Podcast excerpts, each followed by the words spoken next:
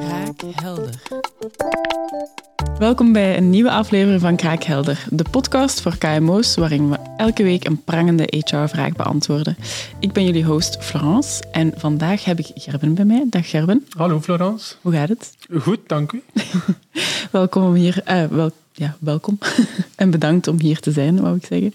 Um, vandaag gingen we het uh, hebben over, um, denk ik toch wel een hot topic. Um, als werkgever, wat is eigenlijk het interessantste? Kopen of een auto leasen? Wel, Florence, ik zou zeggen dat de werkgever best uh, contact opneemt met zijn boekhouder en dat met hem uh, bespreekt. Want er zijn heel wat facetten natuurlijk aan leasen en kopen. Uh, het een is, is duurder of goedkoper, dat, dat kies je uiteindelijk ook ergens wel zelf. algemeen zegt me, ja, leasen is toch wel duur. Maar leasen is natuurlijk ook ergens een vorm van, van, van verzekeren dat je doet als werkgever. Hè. Dus als je bedrijfswagen leest of zelf koopt, zit er wel wat verschil op. Als je zelf een wagen koopt als werkgever, ja, moet je die zelf gaan onderhouden. Uh, er gaat daar een personeelslid moeten mee bezig zijn. Hè. Wanneer moeten die onderhouden worden? Uh, is er daar een defect of, of moet, uh, moet de auto naar de garage? Als werkgever ga je dat allemaal zelf moeten regelen. Onvoorziene kosten ga je zelf moeten gaan bekostigen. Buiten bij leasing, alles is voor de leasemaatschappij. Je betaalt als werkgever uh, een vast leasebedrag per maand, maar je bent op je gemak. Voor de rest is alles voor de leasingmaatschappij. Herstellingen, onderhoud, uh, vervangingen, alles wordt geregeld door hen. Dus, uh, dus op zich is dat wel een ontzorging van de werkgever. En, en bij leasingcontracten kan je ook nog vele verschillende diensten gaan kopen, dus aanhalingstekens, zoals bijvoorbeeld ja, pechverhelping. Ah ja, ik denk ook maar iets, wissel van de zomerbanden en winterbanden, dat kan je ook allemaal aanbieden. Dus het maakt het voor de werkgever wel veel gemakkelijker. Maar aan de andere kant hangt er natuurlijk wel een prijskaartje aan vast. En dat is de afweging die je moet maken als werkgever van ja, wat ga je kiezen? Hè? Ga ik voor uh, kopen, het zelfverdeelmiddelijk een eigendom hebben van die wagens, hè, die ik dan in mijn boekhouding ook op een correcte manier zo optimaal mogelijk kan verwerken? Of ga ik dat via de leasing doen, uh, die dan uh, fiscaal, wat ik dan in de boekhouding zelf, zelf niet zo heel veel van ken, maar de boekhouder gaat zelf wat verschil weten tussen leasen en kopen. Dus het is een afweging die de werkgever moet maken. Ja. Okay. Alles heeft zo wat zijn voor- en zijn nadelen. Ja. Je had het al kort over fiscaliteit. Um, is een bedrijfswagen eigenlijk fiscaal aftrekbaar? Of hoe zit dat juist bij kopen en leasen?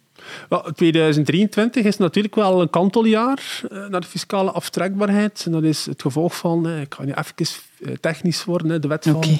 25 november 2021. En, uh, houdende de fiscale en sociale vergroening van de mobiliteit. Dus dat is een van de eerste wapenfeiten, denk ik, van de Vivaldi-regering om ja, te komen naar een groenere mobiliteit.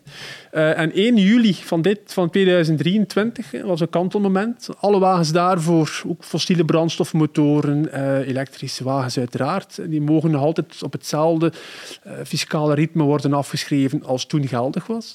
Maar de wagens die aangekocht, gehuurd of geleased zijn vanaf 1 juli 2023, die vallen onder een ander regime qua fiscale aftrekbaarheid. Um, een onderscheid wordt daar gemaakt tussen de elektrische wagens, die blijven nog 100% fiscaal aftrekbaar, maar de fossiele brandstofmotoren die aangekocht zijn vanaf 1 juli 2023, die gaan in een degressief traject uh, om uiteindelijk denk ik tegen 2028 uh, 0% nog te mogen uh, afgetrokken worden als, als fiscale kost.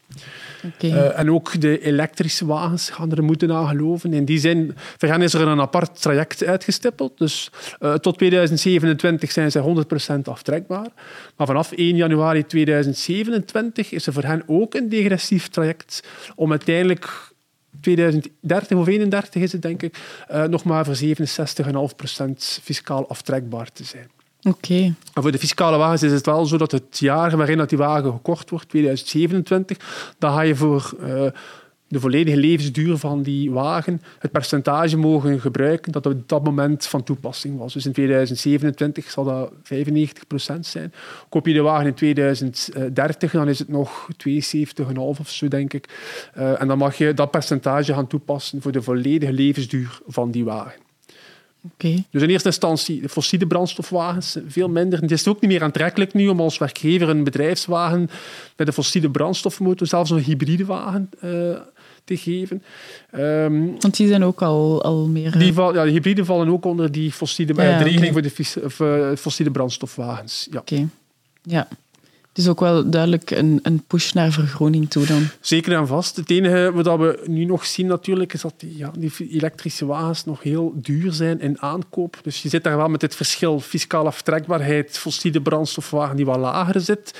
Maar daar zijn de catalogus, eh, de prijs van die wagens toch wel wat lager dan, dan de elektrische wagens die voorlopig toch nog wel heel prijzig zijn. Dus ook voor de werkgever is dat ook heel prijzig om over te schakelen naar elektrische wagens.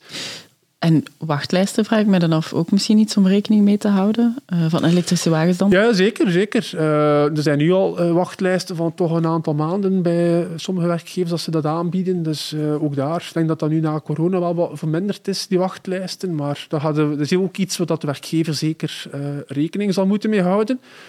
bovendien ook, ja, elektrische wagen, dan kan je niet zomaar even stoppen aan een SU-station of een uh, ander tankstation. Dus ja. gaat ook gepaard met laadpalen op de onderneming, bij de, bij de werknemer thuis. Extra kosten die moeten gemaakt worden. Moet je dat aanbieden, een laadpaal? Uh, nee, dat hoeft zeker niet. Dus uh, dat wordt duidelijk afgesproken bij het, een diensttreding of bij het loonpakket. als dat besproken wordt met de werknemer. Van kijk, er zit enkele wagen Zit daar een laadpaal bij? Zit daar nog een tankkaart bij als het fossiele? Dus dat is iets wat de werkgever en de werknemer zelf kunnen afspreken. Maar het is zeker niet verplicht. Een, een, een onkostenregeling of zo voor een, voor een elektrische wagen, hoe werkt dat dan? Want ik hoor u ja, vertellen over een, een tankkaart voor fossiele brandstofwagens. Hoe werkt dat dan voor elektrische wagens? Uh, complex. complex. Ja, nee, daar is het ook voor, uh, voor de fiscus ook zelf nog uh, een beetje zoeken, merken we, omdat dat ook helemaal nieuw is. Het is niet, als je gaat tanken, weet je onmiddellijk hoeveel dat je getankt hebt. En dat kan je ook bewijzen. als je thuis je wagen aan de laadpaal hangt, ja, is dat niet zo evident om te weten. Ja, je kan wel makkelijk zien hoeveel kilowattuur dat je geladen hebt met die wagen de prijs van de kilowattuur op dat moment. Uh, het is wel de bedoeling dat de werkgever de werkelijke prijs terug betaalt. En die is niet zo makkelijk uh, terug te vinden, zal ik maar zeggen. Ja. Uh, het gebeurt al vaak dat energieleveranciers rechtstreeks kunnen factureren aan de werkgevers voor een bepaalde ja. laadpaal. Dus dat is technisch wel mogelijk. maar als dat niet zo is, dan is het toch wel wat bewijzen van werkgever en werknemer van hoeveel kilowattuur en wat is de prijs van. En dan grijpt men dikwijls terug naar de gemiddelde energieprijs die men op de website van de VREG uh, ah, terugvindt. Maar het is voor alle partijen nog een beetje zoeken. Uh, We hebben nog niet echt heel veel problemen ondervonden bij controles of zo, maar uh, we merken wel dat zowel ook voor ons en voor de fiscus, dat zijn heel nieuwe zaken ehm, die ja, nog een beetje hun beloop zullen moeten kennen en, en nog wat bijkomende regels zullen moeten worden eh, vastgesteld. Oké, zijn er dingen waarvan dat je zegt van hm, daar, dat zie ik zo evolueren of dat, dat zit eraan te komen of zoiets van wetgeving of... of uh... Uh, voorlopig niet. Nee, wij wachten al heel lang op een uh, circulaire van uh, de fiscus, van de fiscale administratie. En een circulaire is een ja, soort van handleiding met wat vragen en antwoorden of, of commentaar bij de wetgeving. Van kijk, wij zien het zo. Als je het op die manier doet, ga je dat als werkgever goed doen. Dus daar wachten wij nog altijd op. dat was vorig jaar al aangekondigd, maar we zijn nu al 2023 het is er nog altijd niet. Uh, juist omdat het ook zo complex is. Hè.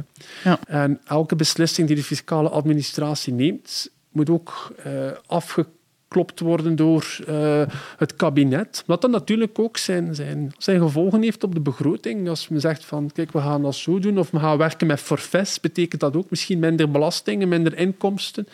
Dus dat moet toch allemaal bekeken worden en, en het is niet zomaar evident om die zaken op papier te zetten. Oké toch iets om in het oog te houden of naar nou, dat doen we zeker aan vast. En, en we zijn vragende partij, want het is voor ons en de werkgever niet altijd even makkelijk eh, om te zeggen van kijk, we gaan het zo doen of het moet zo. Ehm, dus we, we, hebben nu wel een aantal uh, vragen en antwoorden van in het parlement. Hè. Dus vragen van parlementsleden die beantwoord zijn door de minister. Die zijn wel, wel richting aangevend. Maar helemaal waterdicht uh, is de regeling nog niet. Ja, ik kan me voorstellen, echt op de hele praktische vragen dat daar nog een beetje uitblijft, het, het antwoord. Of dat het misschien eerder algemeen is, de Klopt, antwoorden die ook van bijvoorbeeld een laadpaal, als die werknemer uit dienst gaat, ja, kunt hij niet zomaar terug ah, van zijn oprit gaan halen, die laadpaal. Wat moet daarmee gebeuren? Uh, dat zijn allemaal dingen die nog zo een beetje moeten uitgeklaard worden. Hè. Ja, oké. Interessant. Merci. Graag gedaan. Zo, dat was deze aflevering van Kraakhelder. Uh, bedankt voor het kijken en of luisteren naar deze aflevering. Heb je zelf nog een prangende HR-vraag die je heel graag wil beantwoord zien worden door een van onze experts? Stuur die dan zeker door via liantis.be slash kraakhelder of naar kraakhelder.podcast. Dat is onze Instagram. Tot de volgende keer.